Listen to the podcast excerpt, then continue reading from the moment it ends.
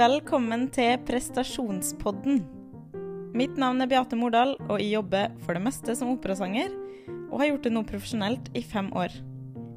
Denne podden den har blitt til mest fordi jeg elsker gode samtaler og drikke kaffe samtidig, men også fordi jeg er veldig nysgjerrig på mennesker og prestasjon og alt som skjer både mentalt og fysisk i forhold til et liv på scenen. Jeg har med en ny gjest fra bransjen hver gang, og håper å inspirere til litt mer åpenhet rundt et tema som kan være vanskelig å snakke om. Da er vi klar for dagens episode. God fornøyelse.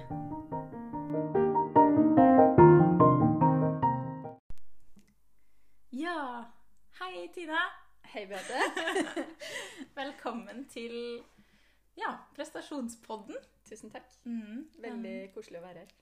Det er en veldig ære å ha deg med, faktisk. Um, vi har jo kjent hverandre ganske lenge nå. Jeg husker ikke hvor mange år.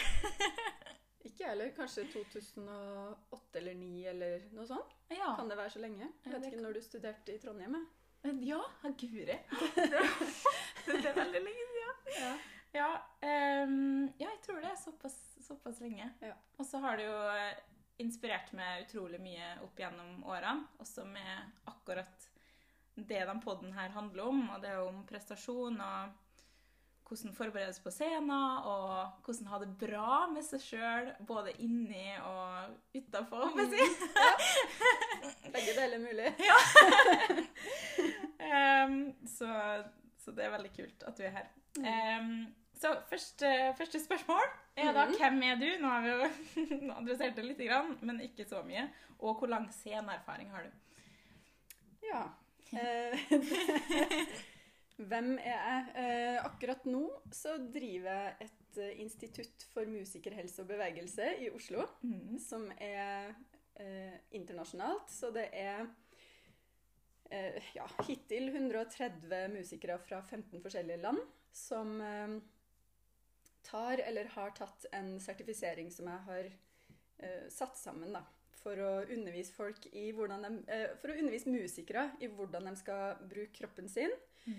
Men de som også studerer der, de får også dybdekunnskap i syke og nervesystem og reguleringsmekanismene der, da. For jeg syns det er en såpass viktig del av det å få ut eh, potensialet sitt. Og så er jeg også pianist. Mhm. Og har eh, Altså siden jeg har bygd opp det her instituttet over de siste sju årene, sånn rent instituttmessig, skulle jeg si, den sertifiseringa, eh, og nå som også da Det, det fins også en yogautdanning der nå. Eh, så Men jeg har jo undervist det her i tolv år, men siden jeg har brukt veldig mye tid på det, så har jeg kanskje spilt litt mindre i noen år nå.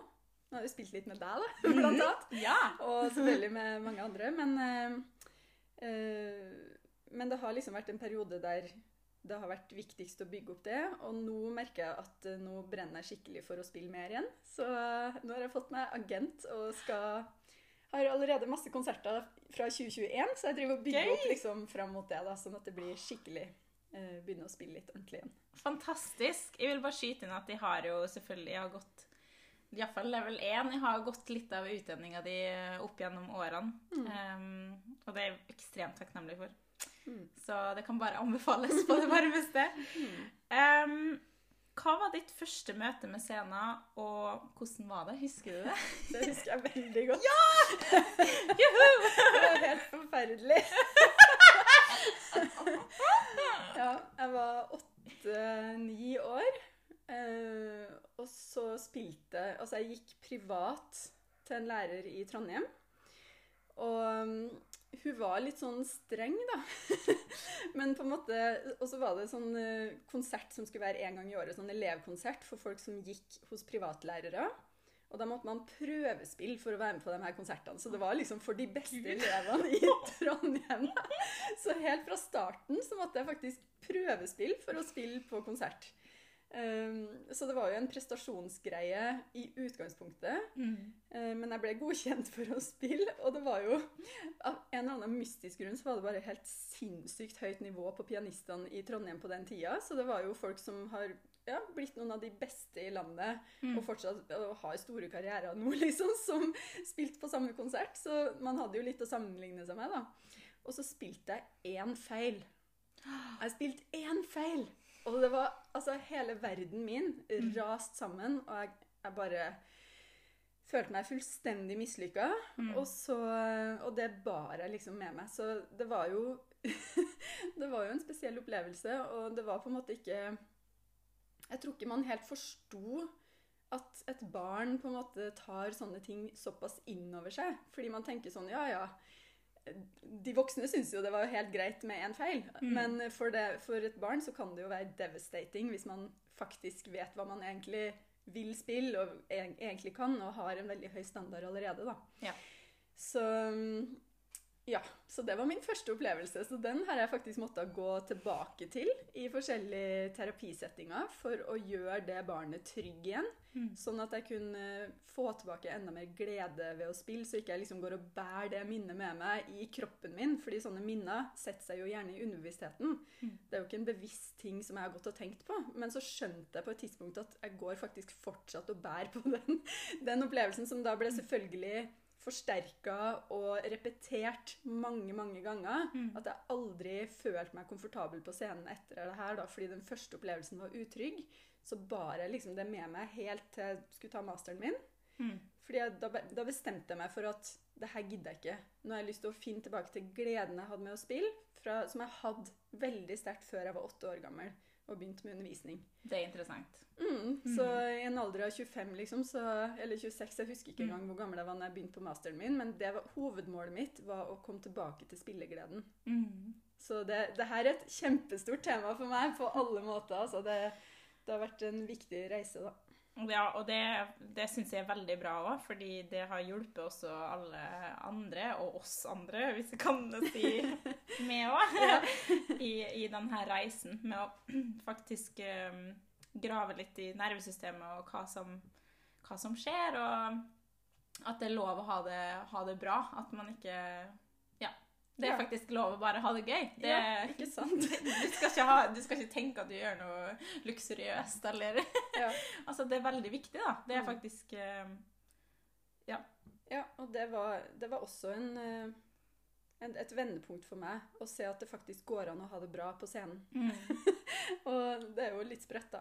mm, Det er At det. det skal være en fremmed ting. Men jeg tror hvis det er noen som hører på den podkasten her nå og har hatt mange dårlige opplevelser, så er det nesten som man ofte tar det for gitt at det blir vanskelig, og det er vanskelig, men det går an å jobbe med seg selv og jobbe med nervesystemet sånn at man kan få det mye bedre, om ikke helt bra, men jeg tror jo på at man kan få det helt suverent. Mm. Og det er min opplevelse selv også, men man må på en måte bare få riktig metode og riktig hjelp til riktig tid. Ja, Og så ikke gi seg. Altså Hvis man brenner for det, ikke gi seg. Bare gå skritt for skritt, og så får man flere og flere innsikter Mm. som kan gjøre, gjøre alt det her lettere.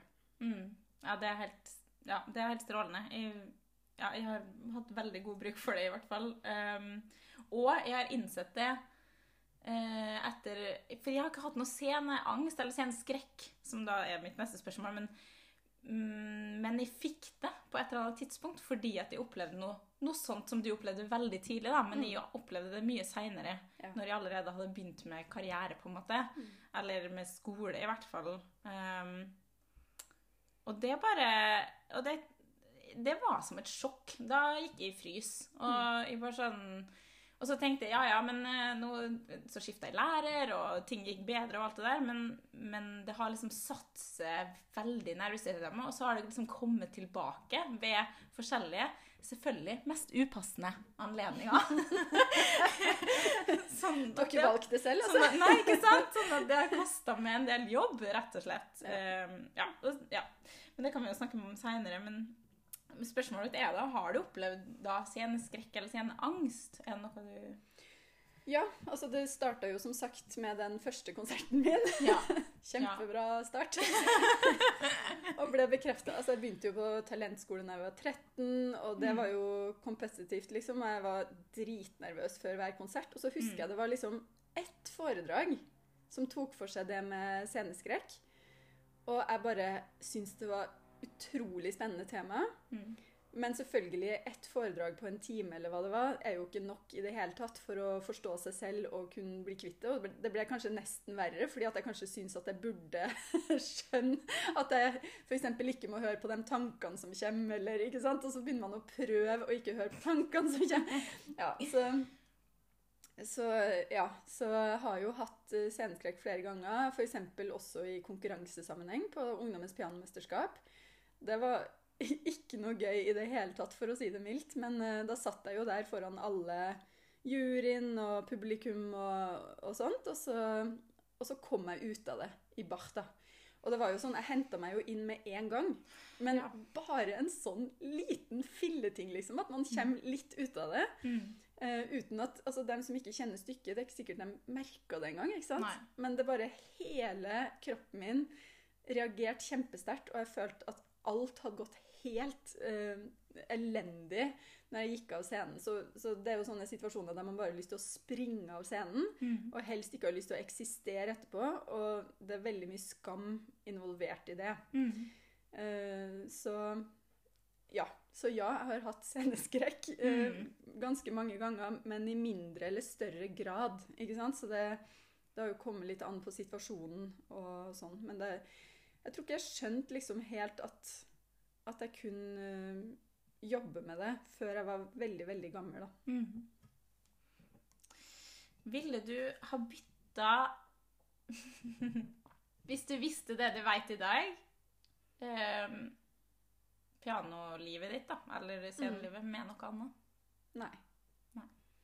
Absolutt ikke. Um, fordi jeg tror at ting bare blir forsterka som allerede er. Og derfor er det en enorm mulighet til å bruke det som ikke funker, til å ta tak i seg selv. Mm. Til å få riktig hjelp. ja. uh, og ikke ha så mye stolthet rundt det, og ikke tro at man er mislykka selv om man trenger hjelp. Og, og, også, som jeg sa, liksom finn Ikke gi opp første gang man ikke finner den rette hjelpa. For det er så lett å tro at det er noe galt med seg selv hvis en eller annen form for hjelp ikke funka. Mm. Så tror man, man ta, Vi har så utrolig tendens til å ta ting innover oss selv. Mm. Og tro at det er vår skyld at vi er skrudd sammen som vi er. Men vi er faktisk bare noen biologiske vesener som fungerer på en viss måte, og hjernen vår gjør virkelig det beste den kan for å redde livet vårt i enhver situasjon. Mm. Og, og, det å sitte på en scene kan altså Det er ikke sånn for alle. For noen så er jo musikken har vært på en måte flukten bort fra kanskje et hverdagsliv som var mindre hyggelig. Eller uh, Det har vært en sånn boble som man kunne gå inn i og ha det veldig gøy med. Mm. Uh, mens for andre så blir det bare veldig forsterka det som man kanskje sliter med, med selvverd, følelsen av å ikke være god nok. ikke sant? Det bare blir sånn megaforsterka når man skal sitte foran et publikum i tillegg. Så, og føle at uh, shit, nå kan jeg bli dømt og kanskje skuffe noen, eller skuffe meg selv, eller hva som helst. Så jeg tar det Altså, det er min approach nå, da. Er at ja. liksom Hvis jeg merker at det liksom Ting som kommer opp i forbindelse med at jeg skal spille en konsert, så ser jeg det som en kjempemulighet til å vokse enda mer i meg selv og bli enda tryggere i meg selv. For jeg vet at hvis jeg, hvis jeg blir enda tryggere, så blir jeg også generelt tryggere. Hvis jeg jobber med den prestasjonsangsten, så vil jeg også ta bort noe av den følelsen av å ikke være bra nok på andre arenaer. Så det er bare en kjempemulighet, egentlig. Og nå er jo det veldig lite i livet mitt. Altså det er jo Nå har jeg jo glede når jeg øver. Jeg syns det er kjempegøy å øve. Og jeg elsker å spille med dem som jeg spiller med. Og jeg, jeg syns det er kjempegøy å spille konsert. Mm. Og noen ganger kan jeg kjenne på nerver, men det, det er en helt annen aksept for de nervene. Jeg ser det mer fordi jeg har fått en del kunnskap, jeg har tatt en del utdanninger om nervesystem og kropp og syke og alt opp igjennom. Og mm. fått liksom en innsikt i at ja, men det her er bare naturlig respons på et eller annet. Mm. Og, og, liksom bygd opp en aksept rundt den intensiteten som eventuelt kan komme, da. Mm. Og det som er kult, er jo at det her er jo, åpner jo Kanskje for lytterne, men også for meg så har det åpna også en mer aksept rundt det å vite at det fins Hva skal jeg si Det fins hjelp, da. Det fins liksom folk som veit hva de snakker om her i Oslo. I nærmiljøet som som kan se det og gi det hjelp på best mulig måte, da. Eller det de tror er best for det. Mm. Um, hva syns du er aller artigst? Nå har du vært litt inne på det, men aller artigst med å opptre? Aller artigst, og Ja. Det syns jeg er Når jeg har en sånn skikkelig opplevelse av å være ute av veien. At liksom kroppen min bare uttrykker musikken. Altså, jeg er pianist, da, for Jeg vet ikke om jeg har nevnt hva jeg spiller engang. jo da! Ja, ok. Jeg spiller piano. Klaver. Klaver. Ja. Ja. Flygel. Ja, ja. Det meste som er svart og hvitt på Nei, det er ikke helt sant. Men, eh, men ja, det er liksom den følelsen når kroppen tar over, og det er en direkte sammenheng mellom at jeg føler musikken, og fingrene responderer, og kjører det ut gjennom instrumentet, uten at jeg er innblanda på noen som helst måte intellektuelt i den prosessen. Det syns jeg er det kuleste av alt. Ja. ja. Neste er jo hva som er kjipest, men jeg bare tenker jeg kan skyte inn at uh, jeg kunne ikke vært mer enig. Det der med at egoet går unna, eller tankene dine, da, som for å si det helt sånn van, vanlig, Ja. på vanlig språk, at det, at det liksom når du, når du tror på den tankestrømmen eh, som går, for eh, ofte så har vi jo den, der, den onde engelen og den gode engelen som sitter på skuldrene, og så uansett hvem du hører på, så er man ikke i musikken når du hører på den. Og det har jeg opplevd mange ganger, spesielt på auditions og sånne ting, at man kommer ut, jeg kaller det for sånn selvbevisst eh, eh, state, eller of mind, og da, og da er man bare, man helt, det går ikke an å tenke på musikken. Man tenker faktisk bare på hva, ja, min, jeg tenker på eksempel hva den personen syns om det jeg gjør, hva pianisten syns om det jeg gjør, eller hva jeg syns om det jeg gjør. Virkelig, så du kan liksom lett spenne bein for deg sjøl. Eh, mens uh, det syns jeg er kjipest. Absolutt. For ingen glede whatsoever. Det er sånn derre OK, jeg overlevde. Off to the. Men, men når du faktisk er i den flyten, så, så er man på et eh, litt sånn annet plan. Mm. Jeg føler jeg har opplevd det sterkest når jeg har sunget i kor, rett og slett.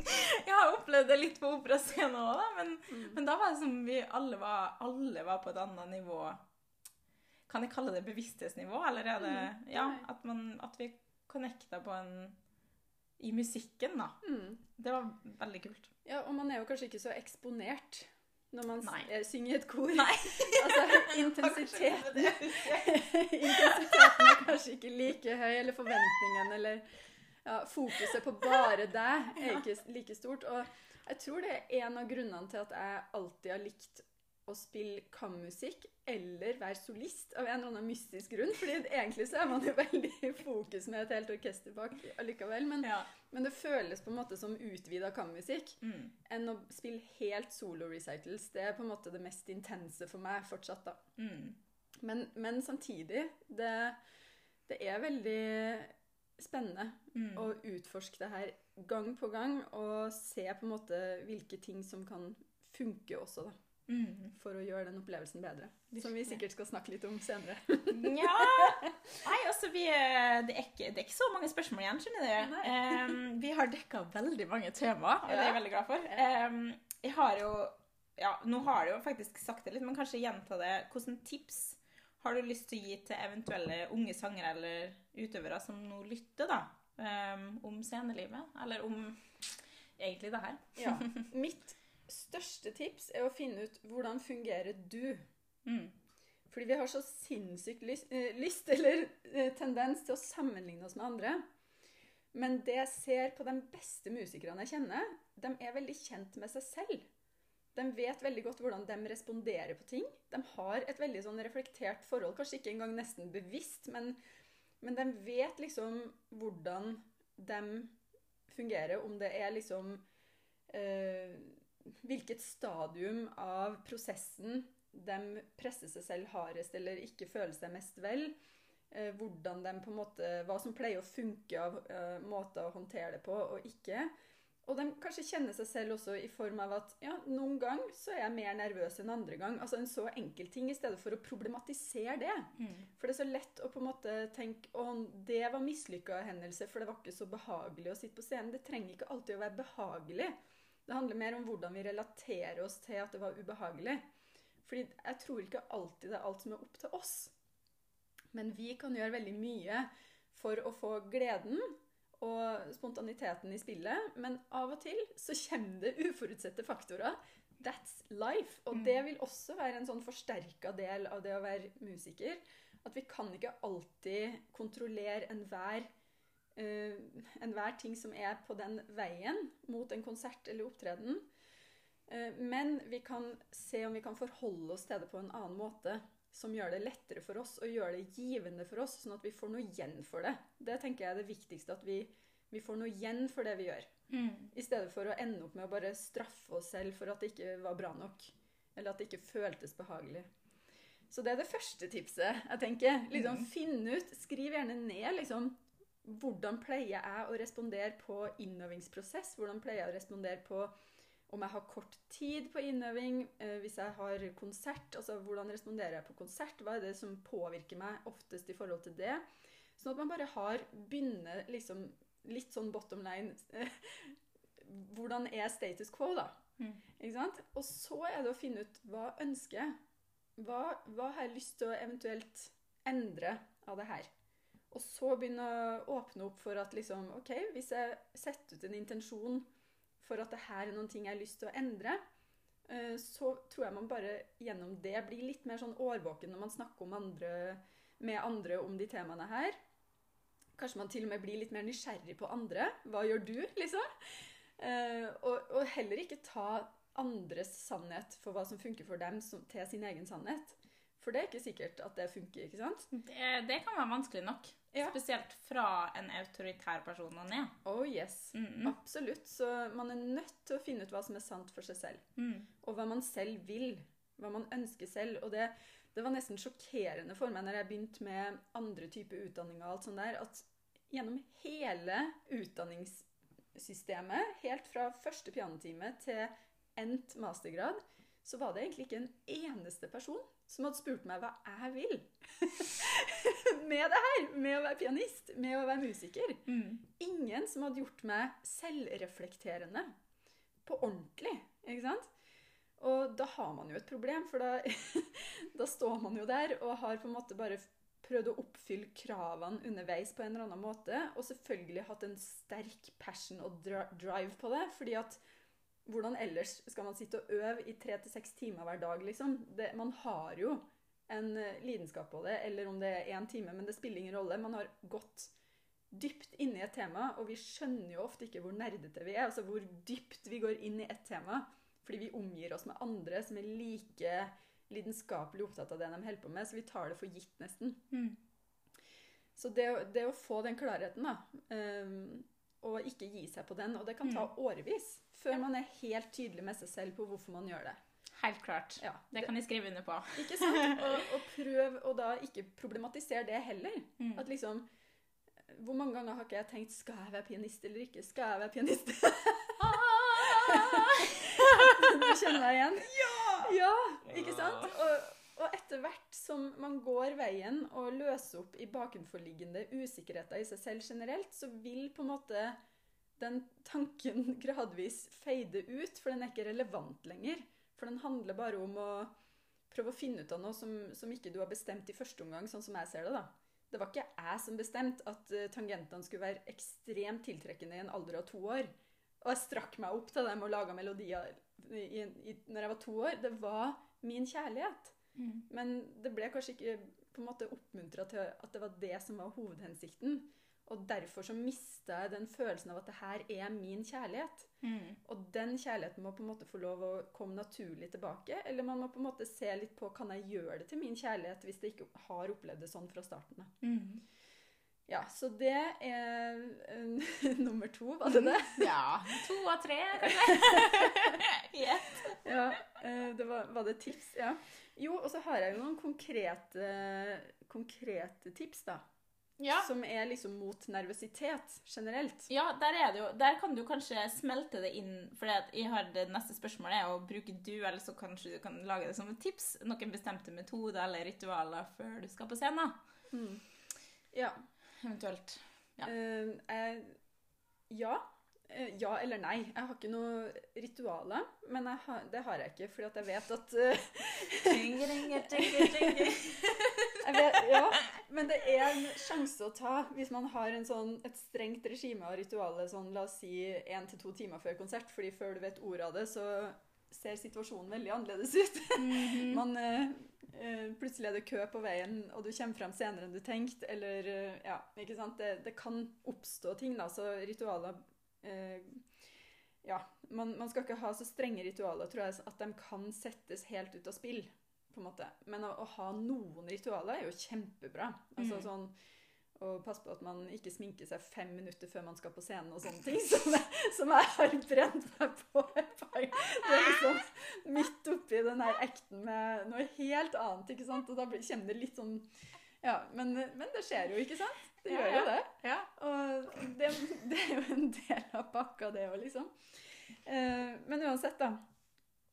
Jeg tror mitt hotteste tips som jeg har gjort med mine elever i 20 år Altså, jeg har hatt mye privatelever helt siden jeg var 16, egentlig, så det er jo det blir ganske mange år. 26 år, det. Mm. Men jeg skjønte jo ikke det her før jeg var 21, fordi da hadde jeg en time med Henning Kraggerud.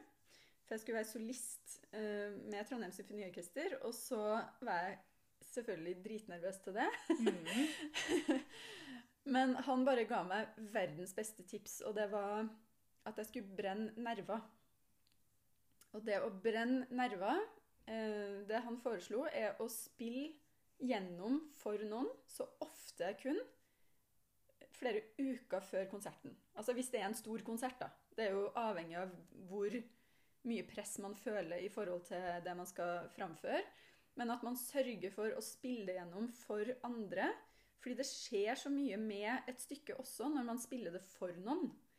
Man får en helt annen oversikt, og, og man får mindre nervøsitet jo flere ganger man har spilt det for noen. I hvert fall hvis man, spiller, hvis, hvert fall hvis man gjør det gradvis i forhold til en trygg setting.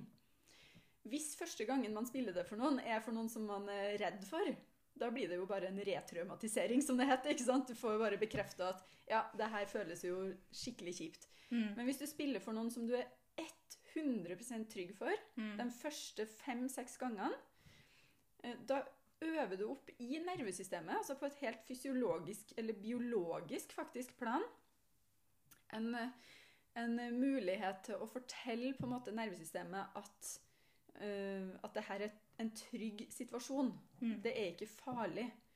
Uh, og det, da, man må skape et fundament av trygghet. Mm. Det er det aller viktigste i alt som Mm. har med spilling å gjøre. At det må komme fra et fundament av at man er trygg.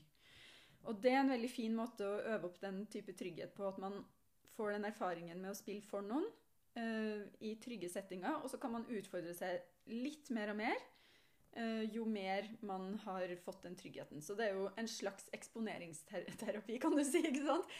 Uh, og jeg skjønte jo ikke mekanismene i det her da jeg lærte, men jeg bare merka at det funka skikkelig bra. Og jeg fikk også det tipset av flere etterpå. At liksom eh, Det å bare sette opp nytt repertoar på en, på en recital, f.eks., da sitter du der med mye mer stress enn hvis du har ett stykke du har spilt masse, og så har du ett stykke du har spilt litt mindre, og så har du kanskje noe nytt i tillegg. ikke sant? Eller at du har noe nytt i tillegg, da. Men eh, det demper på en måte presset litt. Hvis man har det valget. ikke sant? Men noen ganger har man mer valg enn man tror, tror jeg.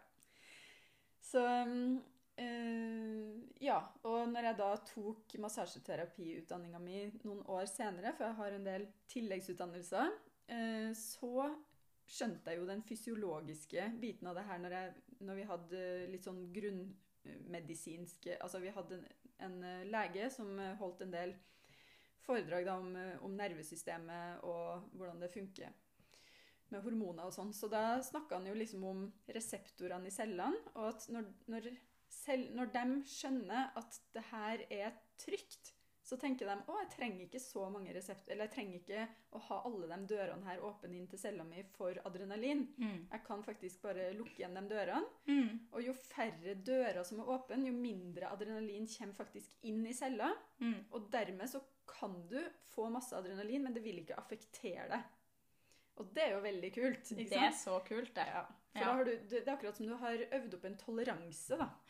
Sånn at uh, kroppen bare har skjønt at ja, men jeg trenger ikke det her, og da, uh, da vil, det, vil det ikke påvirke så mye.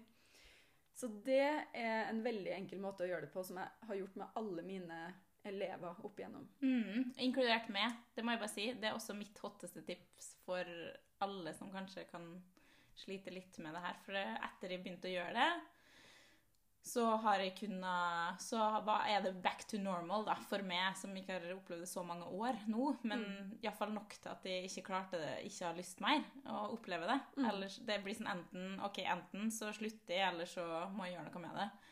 Og så det her er jo ekstremt verdifullt, det må jeg bare si.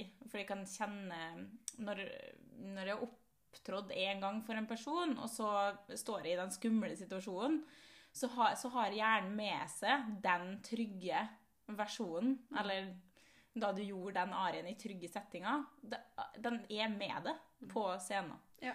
Så det var helt magisk, Ja. faktisk. Det er litt sånn biologisk koding. Mm. Det, det går inn i underbevisstheten.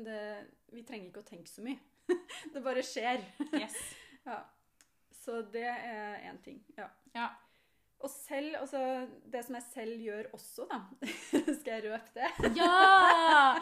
Sånn der, er den uh, så hemmelige ingrediensen. Ja. Hva, hva heter det? Ja. mm. Ja, eh, Ingrid Espelid. Ingrid Espelid. Så jukser vi litt. Jo da, jeg har noen uh, cheaters. Cheating. Juk, jukser litt. Jo da, for jeg har, uh, jeg har lært en metode som uh, vel, på en veldig sånn rask måte kan senke nivået av adrenalin i kroppen. Og det er relatert til en helt naturlig funksjon som er biologisk, som handler om at når Man kan se faktisk Det fins en del sånne filmer, dyrefilmer på YouTube og sånn, der du ser et dyr som f.eks. har blitt jakta på, og så kanskje fanga til og med. Og så når de kommer seg løs fra den, eh, det farlige dyret, fordi et eller annet skjer så de ikke blir drept allikevel Så det høres jo helt forferdelig ut, men så kommer de seg løs fra det dyret. Og det første som skjer da, for da har de gått inn i et sjokk først, ikke sant Det de gjør da, er at de rister det av seg. Det er jo, det er jo et begrep òg. De rister. Og, så, og dermed så, så regulerer de nervesystemet på en helt naturlig måte. Og så det neste de gjør da, er å springe bort. Mm. Så det, er- det fins metoder på en måte for å riste. Og, men det her må på en måte gjøres med kyndige folk først. Man kan ikke drive og holde på med det selv uten å ha lært det helst. Nei. Eh, Fordi nervesystemet er en eh, individuell faktor. Mm. Sånn at man må se på en måte hvordan ethvert nervesystem reagerer på det, og hvor mye man eventuelt skal riste. Men, men det er veldig relatert til det å skjelve på scenen. ikke sant? Okay.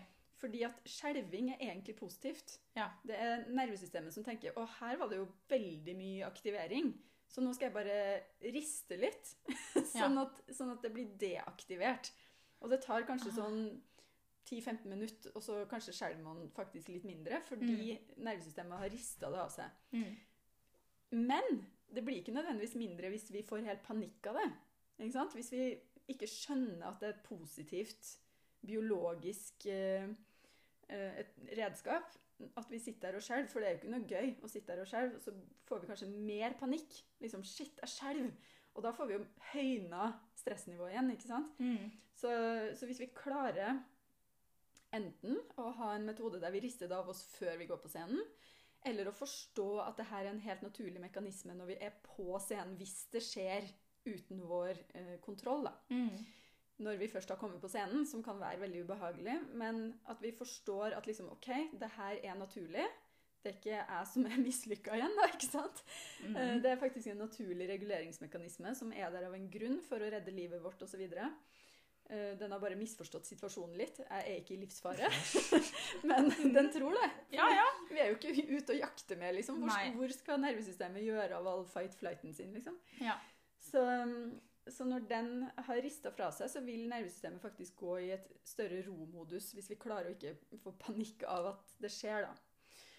Uh, mindre kaffe før Mm. konsert er også veldig viktig. Jeg kjenner folk som har fått helt, helt forferdelige opplevelser. Ja. Og virkelig fått traumatiske opplevelser av at de har rista ekstremt på konsert uh, av koffein. Å ja. Og for lite mat, kanskje i kombinasjon og sånn der. Så, Ja. så det å drikke liksom Man må jo ha den koffeinen man er vant til, men kanskje liksom holde det litt noen timer fra konserten, og, og heller i mindre skala enn mer, på en måte. Ja. Og så er jo Vi er jo alle individuelle. Igjen, bli kjent med hvordan du funker. Yes. Ikke hør på meg. Mm. Det, her, det her er bare generelle tips, det er ikke individuelle tips. ikke mm. sant? Jeg, vil, jeg sier forskjellig til alle. Ja. En annen ting jeg gjør, Mhm. er at jeg noen gang kan bruke et blikkpunkt. Fordi der hvor vi ser, kan påvirke hvordan vi føler oss. Så noen gang før konsert, hvis jeg merker at her er det en ganske høy aktivering nå, mm. så finner jeg det blikkpunktet det enten der jeg føler meg mest rolig, og så bare ser jeg litt i den retningen, så kan liksom hjernen få regulere seg litt på det. Eller så ser jeg i en retning der jeg føler at det er enda mer aktivering, på en måte. Altså at jeg føler en større intensitet i kroppen. da. Mm. Og så hvis jeg ser dit, så pleier det å roe seg på sånn to-tre minutter. Så liksom skjønner hjernen min helt underbevisst. Jeg elsker underbevisstheten. Ja. Fordi 90% Og det er jo egentlig mer enn det, men hvis vi skal være litt snille, da. Ja. Det, vi ser jo toppen av isfjellet, som er kanskje 5 eller 10% Alt som egentlig koder oss, ligger jo Isfjellet, Hvis du ser på isfjellet, så ligger jo 90% av isfjellet under havoverflaten. Og det Yes. ser vi ikke. Men vi kan forstå det, vi kan jobbe med det, selv om ikke vi ser det. da. Mhm. Så det her er et par måter man kan liksom jobbe med måten hjernen vår responderer på ting som oppleves truende fra et nevrologisk og biologisk perspektiv. Mm. Og det gjelder jo også å brenne nerver, liksom. Ja. Så, Virkelig. så vi må på en måte ta hele oss med i beregning mm. hvis vi skal få det bra i den prosessen her. Fordi det er et høyprestasjonsyrke. Yes. Vi trenger ikke å legge skjul på det. Nei. Og vi trenger heller ikke å late som om det er greit at vi skal finne ut av alt sjøl. Jeg syns det er helt ute, egentlig, for å være ærlig, Ja. å forvente at musikere skal bli etterlatt til seg selv, og det er helt tilfeldig om du har nerver eller ikke. Ja, jeg, jeg kunne ikke vært mer enig. Ja. Toppidrettsutøvere har nå søren med alt det derre Alt det de trenger. Pres, en prestasjonspsykolog i Norge eller whatever, hva som fins, Ja. er der. Ja. I sportsverden. Ja. Men vi trenger det jo Vi driver jo på med nerver på like høyt nivå. Spør du meg. Om ikke 100 Det er jo, det er jo nervesystem, alle sammen, ja. liksom. Og vi skal til, i tillegg skal vi være kreative. Nettopp. Vi skal prestere perfekt, og så skal vi i tillegg være kreative. Ja. Det som ikke vi har, er jo at vi må vinne første, andre og tredjeplass med mindre vi er med i en konkurranse. Så Mm, sånn sett så er det på en måte ikke det samme likevel. Men jeg var faktisk nettopp på et foredrag, eh, et Artex-foredrag, eh, med eh, med hun som har hatt med den mentale biten, da, kan du si prestasjonsbiten på toppidrettssenteret i mange, mange år. Mm. Og hun sa noe veldig bra. Hun sa komplekse spørsmål har også komplekse svar. Det funker ikke med quick fix. Ikke sant? Altså, det er en quick fix-verden. Here, here, Ja. people, please. det er liksom Og hvis jeg, hvis jeg bare gjør det, så Ja, det funker kanskje av og til. Mm. Ikke sant? Det funker noen gang, noe annet funker andre ganger. Og vi må finne ut hva som funker for oss. Og det kan være så individuelt. Mm. Og, og hvis man i det hele tatt hører på den podden her, Mm. så er man kanskje interessert i å utvide perspektivet, og det bare oppmuntrer jeg til å gjøre. Det, det er så mye spennende måter å jobbe med seg selv på. Mm, det er det virkelig. Mm. Nei, det her var utrolig Ah, utrolig givende. Jeg kjenner meg helt sånn! Klart å gå på scenen. Ja, nå vil jeg opptre! Korona, gå vekk! Ja. Du har, jo vært aktiv, du har jo vært aktiv i koronatiden. Ja, det, da. jeg har det. Ja, men jeg må jobbe med det her. Jeg må jobbe med Jeg syns det er så interessant, og jeg har lyst til å Og nå når jeg forbereder det jeg skal gjøre i Stockholm altså Det er virkelig ekstremt repertoar. Så jeg må ha 100 tro og 100 mot Ja. på at det her går. Mm. Har jeg den 2% av frykten, så går det ikke. Mm. Eller det går, men det høres ut som en katt i nød. Ja, og det er ikke noe gøy. Nei! Det er ikke noe gøy å ikke føle at man liksom kan nå sitt fulle potensial. Akkurat. Jeg har jo ikke nevnt kanskje det som kanskje, Jeg kom på det nå, hvis vi er på vei til å avslutte her. Ja. At uh, kroppen Ja. Kroppen er jo sykt viktig. Det å, det å ha metoder for å komme inn i kroppen. Eh, fordi det er jo det de fleste sliter med. At man føler at eh, man løftes litt opp fra jorda. Man får ikke den samme tyngden. Det er jo nervesystemets mobilisering fordi den tror vi skal dø. Men hvis man har metoder for å virkelig komme seg ned på jorda, og til og med fysiske øvelser før konsert og sånne ting, så vet jeg at det har hjulpet meg veldig mye å jobbe med kroppen. Eh, og også alle som jeg har Ja, jeg kan jo ikke snakke for alle, men alle som Veldig, veldig mange kommer tydelig tilbake og føler at nå var det ikke vanskelig å stå på scenen mer, fordi jeg følte jeg kunne stå på begge beina, Mm. eller jeg kunne sitte ordentlig på stolen. Uh, og det er jo interessant, fordi at da gir vi jo igjen nervesignaler til hjernen om hvor kroppen er. Mm. At det er liksom Her er kroppen. Og da er det lettere for hjernen å navigere. Den blir tryggere av å vite hvor den er. Den, I stedet for å være desorientert. Mm. Da friker hjernen vår ut og tror det er enda farligere enn det er. Mm. Så, så det å jobbe med kroppen i forhold til spilling, det er jo kanskje en av mine største passions da, Yes. eh, gjennom den metoden som jeg har skapt, som heter Timani. Eh, eller satt sammen, eller hva jeg skal si. Eller jeg har jo ikke bare satt sammen, jeg har også infiltrert den grundig og skapt eh, nye ting. Men uh, innafor den. Men, men allikevel, det å, det å få kroppen med på lag kan gjøre utrolig mye for nervøsitet. yes. Og for min egen del så pleier jeg, hvis jeg merker at det er intenst når jeg går på scenen og setter meg, jeg pleier bare å smekke de der sitteknutene rett nedi stolen. Og øvelsen jeg bruker, den ligger faktisk på NRK, hvis, hvis vi kan Mhm. linke til den under podkasten eller noe. Absolutt, det kan vi. Så, så bare pløyer jeg de der sitteknutene ned i stolen, skrur på det som heter transversus abdomini, som er en, Mm. en eh, dyp magemuskel, og føler at det liksom bare putter sånn anker til at jeg kan være fri på toppen. Mm. Og så trenger jeg kanskje det den første tre minutteren, Mm. og da er hjernen trygg nok til å gi slipp på den der veldig tydelige inputen, og Mm. kan liksom overgi seg litt mer til at nå er det trygt. Mhm. Ja. ja. Det er også en eh, øvelse jeg har brukt en del. Også jeg merker også i øving nå at jeg tenker veldig mye på det å skyve fra Sorry, nå blir det litt nøling her, men ja. Skyve fra eh, underlaget. Altså faktisk å bare tenke på fotbladet. eh, Kan hjelpe på nervøsitet, også når jeg har stått på scenen, f.eks.